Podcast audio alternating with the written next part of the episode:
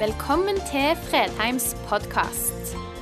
For mer informasjon og ressurser, besøk oss på fredheimarena.no, eller finn oss på Facebook.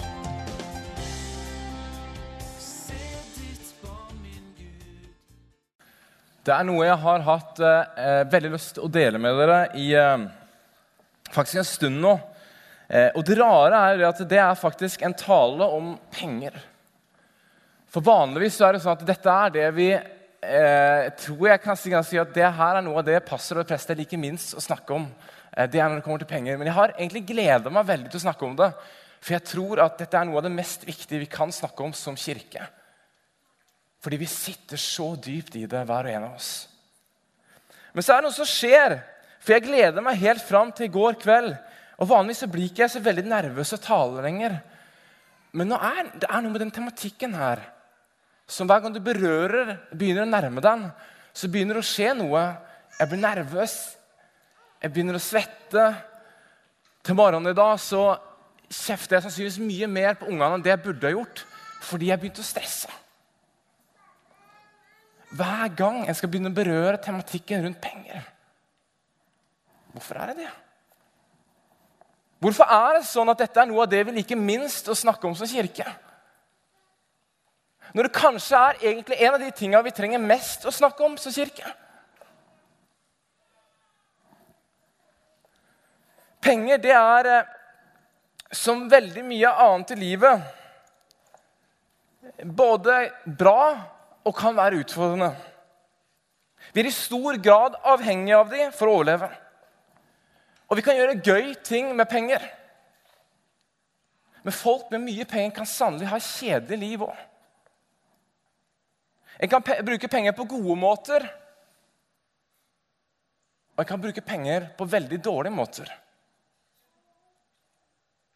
En kan kjøpe ting en har lyst for penger, med penger, men en kan også betale ting som en egentlig ikke har lyst til å betale for med penger. Og ganger, Noen ganger kjøper en seg en, eh, noen er superhappy for, før en ender opp ganske skuffa over det resultatet.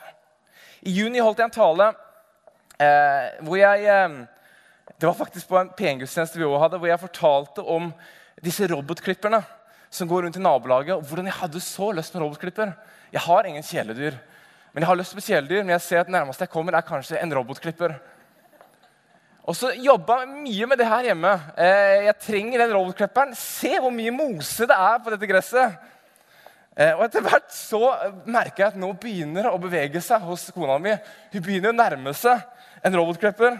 Og jeg klarte å lande det med at jeg fikk det som bursdagsgave, julepresang og en del andre ting noen måneder før bursdag og jul. Og etter noen uker skal jeg fortelle dere, så, så plen bedre ut enn det noen gang har sett ut. Så bra som det her tror jeg aldri det har sett ut. Dere forstår, Jeg angra ikke et sekund på den investeringen av den robotklipperen. Her snakker vi nok mange i nabolaget som står og tenker jeg òg er nødt til å ha en robotklipper. Eller kanskje det var sånn at folk tenkte nei, jeg tror vi kan bare stryke robotklipper fra det vi absolutt må ha, etter å ha sett hvordan det så ut. Kanskje var det noen som tenkte er i ferd med å gjøre det om til en potetåker. Det er mulig. Det begynner å bedre seg litt nå, men nå er vi jo kommet til vinteren, så det var litt i seneste laget. Men hvorfor snakker vi om penger, tenker du kanskje. Jeg har ingen problemer med penger. Har helt greit forhold til penger. Jeg tror ingen andre her har noen problemer med penger. Så hvorfor kan, jeg, kan vi ikke heller snakke om ting som får blodet til å pumpe? Komme oss ut i misjon? Vet du at Det er rundt 500 vers i Bibelen som omhandler tro. Og Vi regner det som ganske grunnleggende for det vi holder på med. I år feirer vi reformasjonsjubileet. Og En av de store punktene til Luther var det troen alene. Det er rundt 500 vers i Bibelen om bønn. Og bønn er fundamentet for det aller meste vi gjør som kirke. Vet du, Det er over 2350 vers i Bibelen som omhandler penger eller eiendeler. Jesus snakket mer om penger enn han snakket om himmelen og helvete. Og når Jesus fortalte historier i Nytestamentet og skulle forklare dem, og brukte lignelser for å få folk til å sette seg inn det, så brukte han 16 av 38 lignelser til å snakke om penger. Så la meg da stille deg spørsmål. Hvorfor skulle ikke undervisningen til Jesus være like frigjørende på dette området og livgivende på dette området som de andre områdene? Men jeg har ingen problemer med penger! Og ingen andre her har problemer med penger! Virkelig? Hvilken verden lever du i, da? For den verden jeg lever i, så er det utallige kilder hver eneste dag som forteller meg hvordan jeg skal bruke pengene mine. Hva jeg skal tenke om det. Det flommer over i samtaler, i reklamer, i artikler, nyheter, TV-programmer, vennskap. Hvordan jeg bør forholde meg til det. Og hva jeg tenker. Så vi hører mye om penger. Men hvilken stemmer lykker vi til? Lytter vi til de stemmene som forteller denne gressklipperen her, den bør du kjøpe for å få naboene til å heve øyenbrynene. Og Så kommer det selvsagt an på om de da hever øyenbrynene positivt eller negativt. Mine naboer hever nok òg øyenbrynene. Men jeg, jeg, er ikke, jeg, er ikke, sikker på at jeg er spesielt imponert. Eller kanskje lytter vi til de stemmene. Kjøp dette. Bli lykkelig. Kjøp denne, ligg front. Ingvild, du trenger den tightsen her òg. Invester her, få størst mulig avkastning. Eller kanskje er det andre stemmer vi lytter til. Vi går inn i 2. Korinterbrev 9, 6-15. Men det sier jeg, den som sår sparsomt, skal høste sparsomt. Og den som sår med velsignelse, skal høste med velsignelse. Enhver skal gi det han har bestemt seg for, i sitt hjerte. Ikke med ulyst eller tvang, for Gud elsker en glad giver. Og Gud makter å gi dere all sin gave i rikt mål, så dere alltid og under alle forhold har nok av alt. Jeg har overflod til all god gjerning, for det står skrevet:" Han strødde ut og ga til de fattige. Hans rettferd skal alltid vare. Han som gir såkorn til den som skal så Nå må jeg henge med her og brød til å spise. Han skal også gi dere såkorn og la dere bære rikelig, og la deres rettferdighet bære rik frukt. Dere skal ha rikelig av alt så dere gjerne vil gi, og så skal takken stige opp til Gud når vi overbringer gaven. For denne tjenesten, denne gudstjenesten, er ikke bare en hjelp for de hellige i deres nød. Den skaper også en overflod av takk til Gud. Når dere trofast har fullført tjenesten, vil de prise Gud fordi dere var lydige og bekjente dere til Kristi evangelium og helhjertet delte med dem og med alle. Og de vil be for dere og lengte etter dere fordi Gud har gitt dere denne overveldende nåden. Gud være takk for sin usigelige gave. Muligens en del fortsatt tenker hvorfor er Gud så interessert i penger? Hvorfor snakker han så mye om det? Og Jeg tror ikke Gud er spesielt interessert i penger. Men Gud er spesielt interessert i deg, og han er spesielt interessert i meg. Og det er der poenget med vårt forhold til penger kommer inn. For hvordan vi forholder oss til penger, sier utrolig mye om oss. Det kan fortelle om mine lidenskaper, om mine prioriteringer, om mitt håp og min frykt. Og det kan til og med fortelle noe om hvem jeg elsker. Hvis vi ser hvordan det blir brukt. Vet du hva, nå jeg, skal vi ta 30 sekunder, og så skal dere få lov å sitte og tenke litt sjøl. Hvis du hadde nå skrevet ut bankutskriften din for de siste tre månedene, og du hadde gitt den til en annen, hva hadde han sittet igjen med inntrykk av at betydde noe for ditt liv når det kom til bruk av penger? Jeg gir deg 30 sekunder. Tenk på det.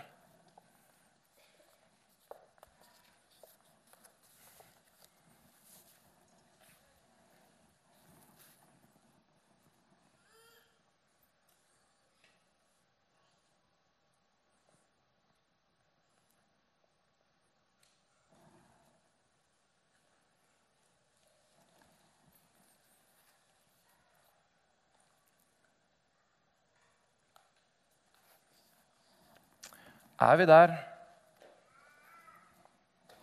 hvor de forteller den historien som vi ønsker de skal fortelle? Forteller de om de prioriteringene og de tingene i livet du mener er viktig? Eller er dette det ene området i livet som forteller en helt annen historie enn det alt annet forteller? Hvis det er sånn, hvorfor er det da avvik mellom det som betyr mest for meg? Det var jo allsang her når vi sang 'Jeg vil deg alt'.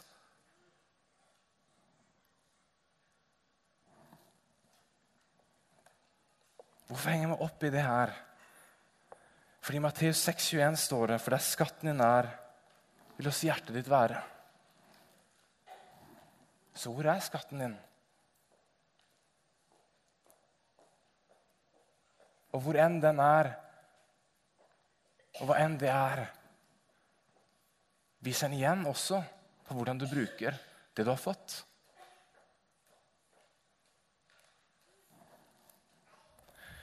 Victor Hugo, sannsynligvis uttalt feil, men eh, han var i hvert fall fransk forfatter, forfatter som levde fra 1802 til 1885.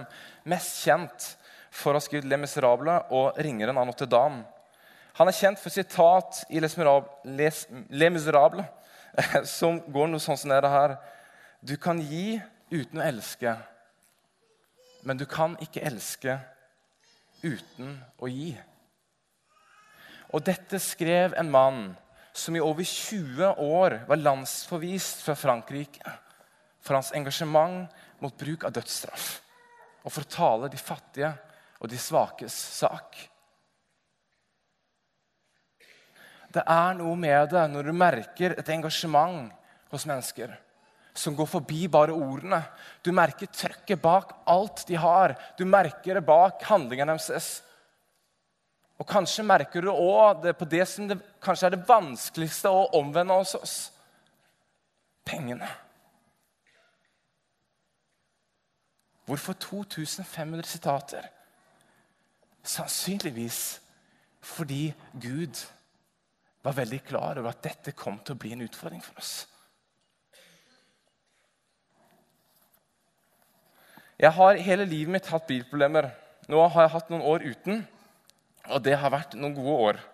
Eh, helt siden jeg fikk min første bil, så har jeg alltid hatt svære bilproblemer. Sånne Motor havarerer, girkasse havarerer. og Jeg vet ikke hvordan, altså jeg nesten gravd meg ned pga. de bilproblemene. Eh, og Den forrige gangen jeg hadde bilproblem, det var, eh, ja, det var, da hadde jeg en Ford Focus. Eh, ingenting feil med Ford Focus, men den her var det definitivt noe feil med.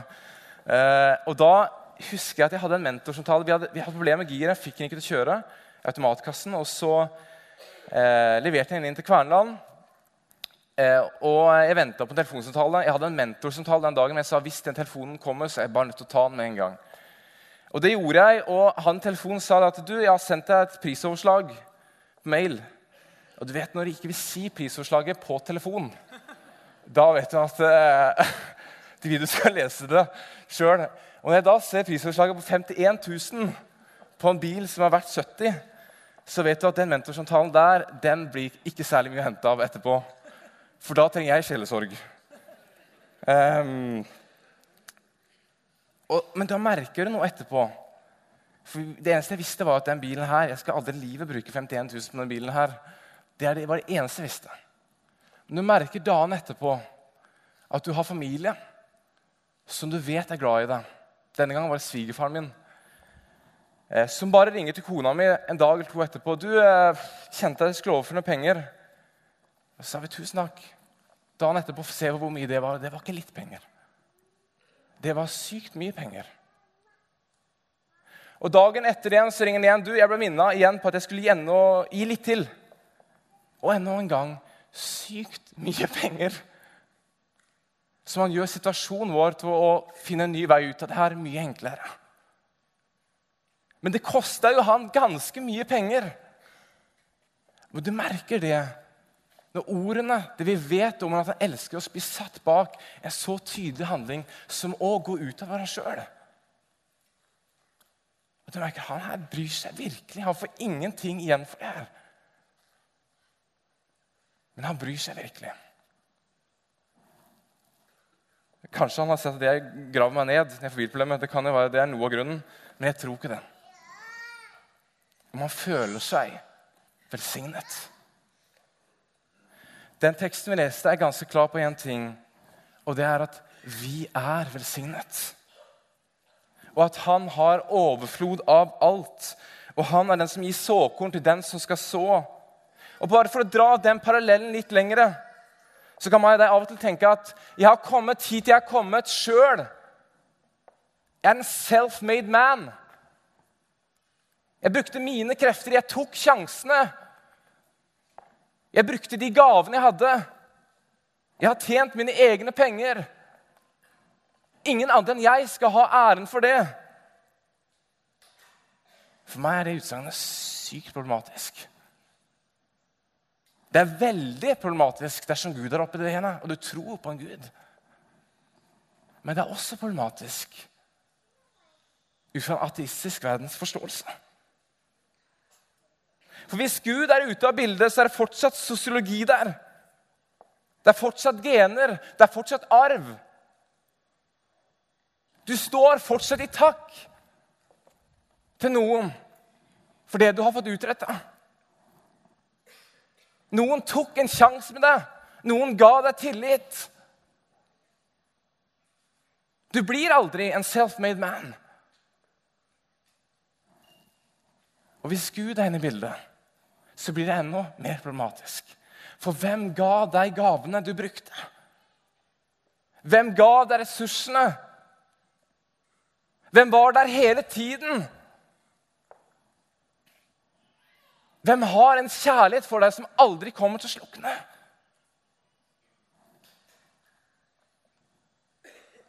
Hvem la ned de gavene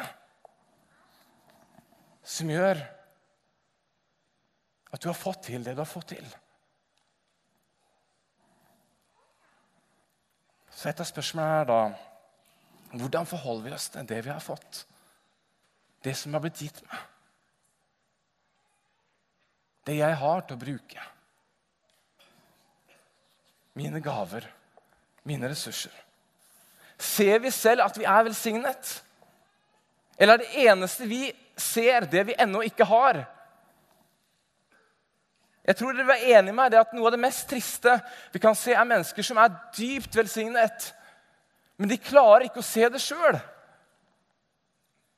Det eneste de ser, er det de ikke har.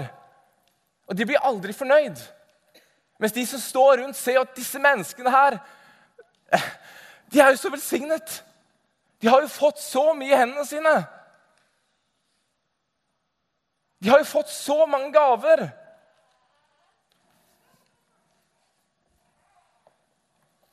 Står vi i fare for å bli slik sjøl? For noen uker tilbake kom jeg over en eh, en synsbekjennelse i Den norske kirke. Jeg har aldri sett den før. Eh, ennå jeg faktisk er utdanna prest, så har jeg ikke sett den her. Og den ble vedtatt lenge før jeg, før jeg eh, var ferdig å studere. For jeg hadde begynt å studere, faktisk. Og Den ble tror jeg, vedtatt på kirkemøtet 1995. Og når jeg leste den her, så kjente jeg bare hvordan det dundra inn i livet mitt. Eh, så den skal jeg lese for dere nå. Og Dere kan få lov å bekjenne den for dere sjøl. Men jeg kommer ikke til å ha en sånn høy bekjennelse nå, bare leser den. Herre, vi bekjenner at vi bruker mer enn det som er vårt. Og derfor lider din skapning og ditt skaperverk. Vi forbruker jordens ressurser på bekostning av de fattige og de undertrykte. Vi er fanget som forbrukere. Vi bekjenner at vi ikke vil ut av vårt fangenskap. Vi søker trygghet ved å eie og døyver uro ved å kjøpe. Vi gir ting for tid. Vi bekjenner at vi elsker erstatningene. Vi stjeler fra våre barn og dem som kommer etter. Vi vet at livet på jorden er truet, men denne kunnskapen lammer oss. Vi bekjenner at alt passiviteten passer oss, og at vi ikke vil ut av den. Vi ser samfunn i oppløsning. Vi ser fattigdom og urett som går på livet løs. Vi ser fellesskapsverdier som undergraves. Vi ser menneskeverd bli krenket. Vi ser forbrukerkulturen gripe dypt inn i våre liv. Vi bekjenner at vi lukker våre hjerter til for det vi ser. Vi bekjenner at vi ofte vet, men vi vil ikke. Vi vil ikke forplikte oss. Og Derfor mister vår forkynnelse troverdighet. Vi vil ikke bære vår del av forandringen, og derfor bærer andre håpløsheten. Vi vil ikke betale omkostningene ved å bryte opp, og derfor brytes andre ned.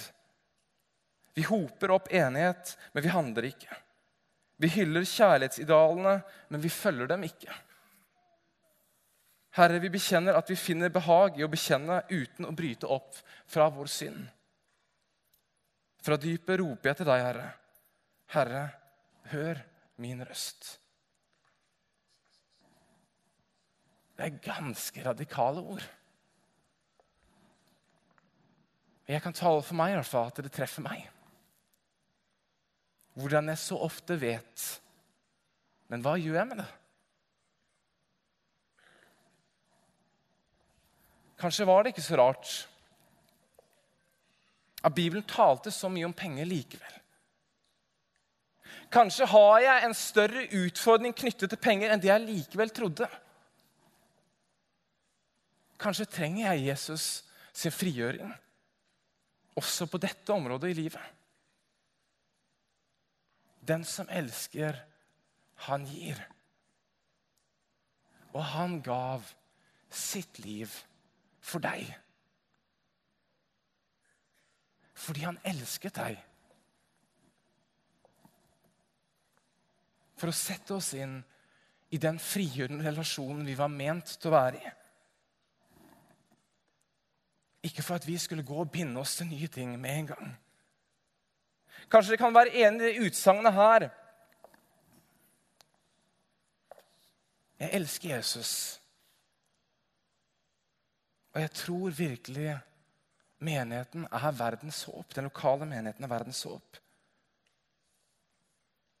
Fordi den Gud kan jobbe igjennom, så at mennesket kan bli frelst og få et nytt liv. Er dere enig i det? Enig i det? Enig i det? Ja, bra. Jeg hørte deg, Øyvind. Hørte deg allerede første gangen. Det er bra. Så bra, men la meg få lov stille spørsmålet da. Forteller bankkontoen din det samme? Forteller måten du forholder deg til penger, det samme? Du sa akkurat at den lokale menigheten er verdens håp. Og nå er det sikkert noen som blir provosert men det liker jeg bare, for det betyr at jeg tråkker akkurat der jeg hadde planer om å tråkke i dag. Jeg provoserer ikke bare for å provosere. Men tror dere virkelig at Jesus gikk rundt og snakka så mye om penger, at han ikke provoserte mennesker? Han provoserte de grenseløst.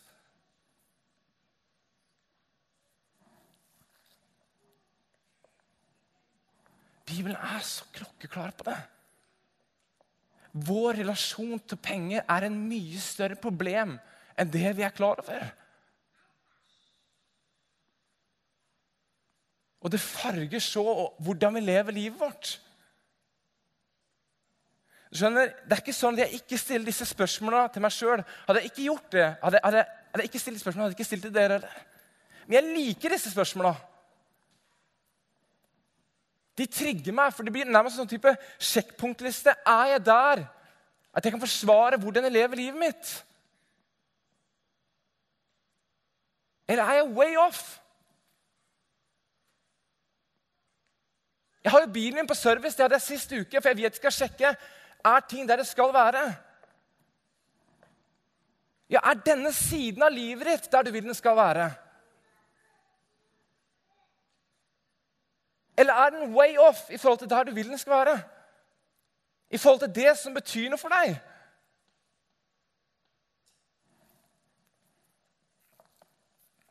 Så hvorfor gi?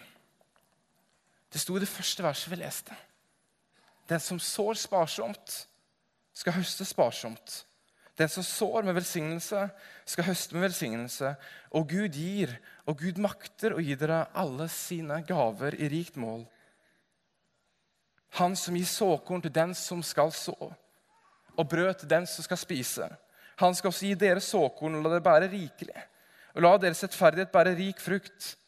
Det skal bli rikelig av alt. Så dere gjerne vil gi, og så skal takken stige opp til Gud når vi overbringer gaven. Du skjønner, kornene de er til for å sås. Og du har fått en hel del korn i ditt liv. Du har fått noen gaver i ditt liv som du har brukt til der du er nå. Som du har brukt til å fø familien din med. Han har overøst deg med gaver. Og så er spørsmålet hva gjør vi med det? Klamrer vi oss fast til det? På sånn måte at alt det han etterpå prøver å velsigne oss med Ingenting sitter. Fordi vi holder så mye fast i det vi en gang fikk. Såkornet er til for å sås for å multipliseres. Så det kan vokse opp andre steder. På de tingene i livet du opplever betyr noe for deg. Og når han er åpen, så er det igjen lettere å ta imot på nytt. Anne Marie tenker nå Hvem har tenkt å rydde opp det her? Det er ikke meg, Anne Marie. Det kan jeg fortelle i hvert fall.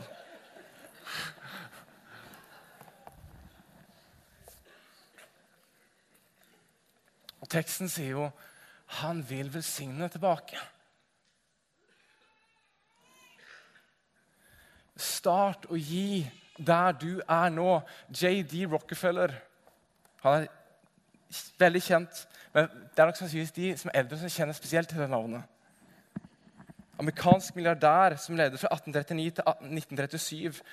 Industrileder, investor og filantrop sa det slik Jeg ville aldri ha gitt ut av mine første million dollar hvis jeg ikke først hadde gitt ut av min første lønning, så var bare på noen få dollar. Og så er det viktig å si noe her, eh, så det ikke går vekk. Det står ingen steder i Bibelen at 'gi med velsignelse, bli multimillionær'. Det står ikke der.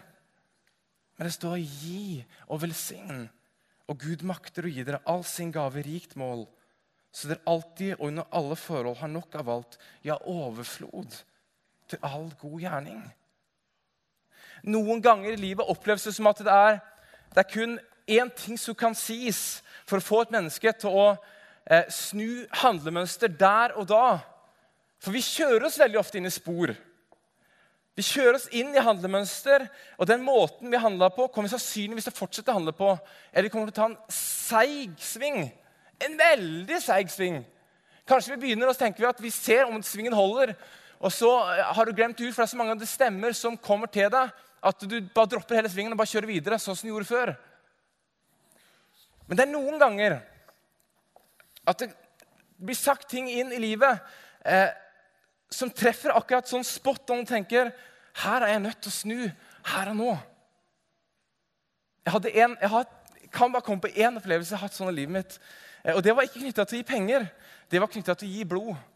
Eh, jeg, vært, jeg er livredd for sprøyter.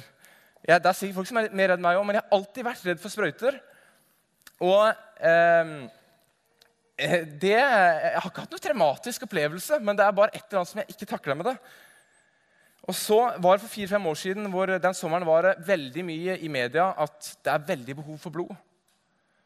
Eh, og det, Jeg støtter jo alle som gir blod, tenkte jeg. og jeg kjempebra. Folk må gi blod. Men ikke jeg. Jeg er redd for sprøyter. Eh, og så var jeg nede på et handlesenter i Skien. og Der sto da blodbanken. og De kom bort til meg ville bli blodgiver. og Så sa jeg at eh, jeg skulle gjerne tenkt meg vært blodgiver, men jeg er livredd for blod. Og I den, den, samtalen hadde ikke jeg tenkt det er ingenting som kan få meg til å snu på dette. for jeg er livredd for sprøyter. Men så svarer han noe som sannsynligvis hadde provosert de, de aller fleste av oss grenseløst. For meg ble det bare sånn Ja. Og det han sa, at det kan godt være noen av de som ligger med kreft og har behov for blod, også er redd for sprøyter. Og Så husker jeg bare at jeg sto to-tre sekunder og tenkte jeg, greit, jeg skriver meg opp. For jeg, så jeg har ingen argumenter som jeg kan komme her nå uten at de er så egoistiske. Så jeg blei blodgiver. Jeg hadde aldri tenkt å bli det. Men det ene han sa, han kunne ikke sagt noe annet, så kunne få på det snudd, men det han sa, gjorde at jeg snudde der og da. For så jeg hadde ingenting jeg kunne si imot det. Hvorfor velsigne din lokalmenighet og din kirke rikelig? Vel, du har allerede svart på det tidligere i talen. Men jeg spurte dere elsker du Jesus, og tror du at den lokale menigheten er verdens håp? Fordi Jesus jobber gjennom den, så at mennesker kan bli frelst og få et nytt liv. Og du nikka. Og du sa ja. Ja, men hvis du mener det, da Hva er det du lurer på? Hvis du mener at den lokale menigheten er verdens håp Det er ikke noe å lure på.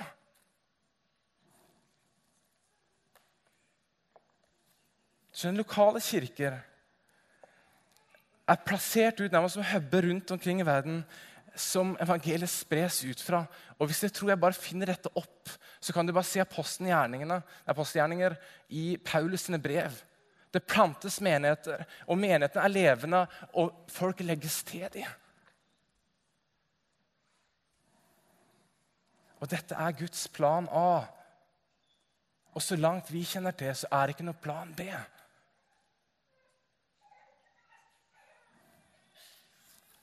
Og så vil jeg si en ting til om hvorfor gi til Kirken.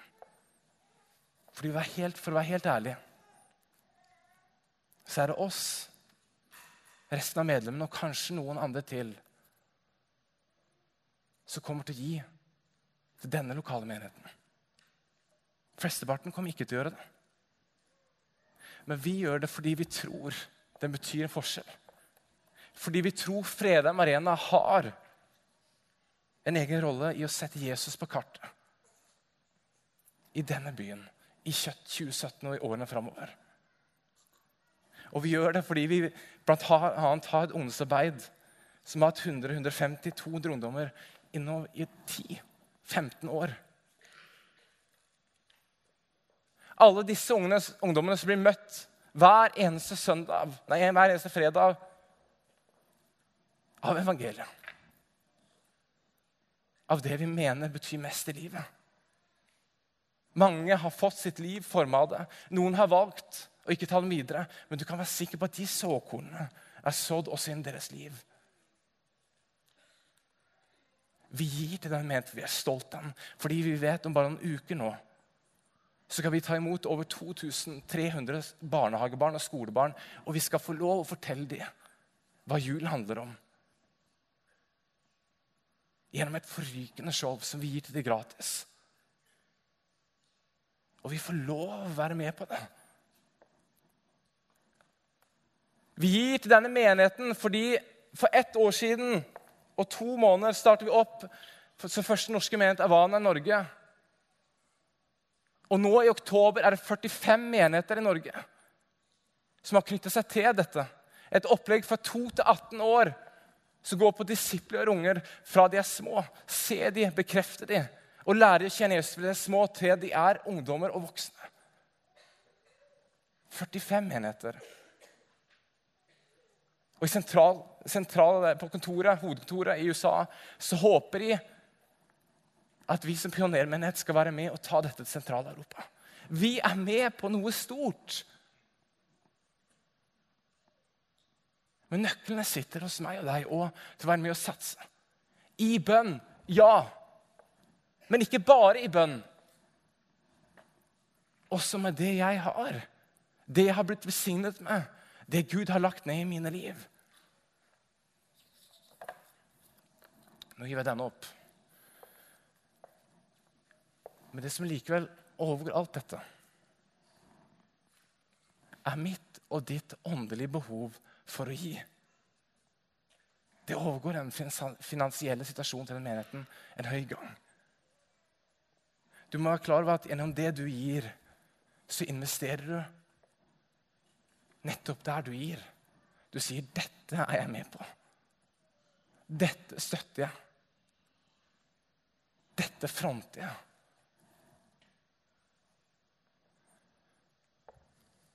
Og mer enn noe annet trenger vi en kirke av mennesker som velsigner, som hiver ut de såkornene de har fått, og som mottar nye. Ikke bare til lokalmenigheten, men mennesker som oppleves som rause. Som deler av det de har fått. Og det er vel så mye for meg og deg, for vi må lære oss å slippe det grepet. Og hive det ut til de tingene vi har tro på. Og motta på nytt. Hive det ut. Jeg så eh, Like før jeg kom i dag, så var jeg inne på Facebook, og så plutselig er de der eh, oransje firkantene med tekst på. Eh, og Av og til er det fornuftig, så står det av og til er det ikke fornuftig. Eh, så jeg har jo alltid flere hundre tusen likes. Eh, og det sto en i dag som jeg tenkte jeg, jeg var bare så utrolig uenig eh, Og det sto Give not to receive, give to inspire others. Gi for å, eh, gi for å inspirere andre. Nei. Vi gir ikke for å inspirere andre. Vi gir for at dette betyr noe for oss. Fordi dette er riktig.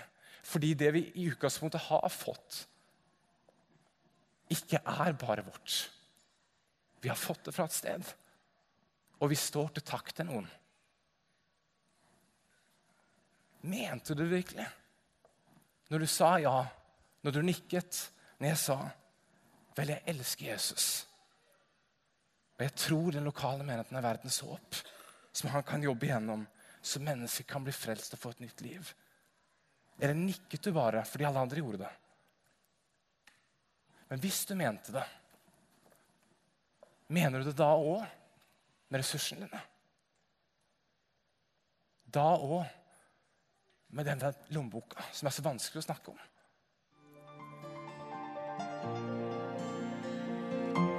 Takk for at du valgte å høre på. Nye opptak legges ut hver uke. Vi har gudstjenester hver helg, og du er hjertelig velkommen.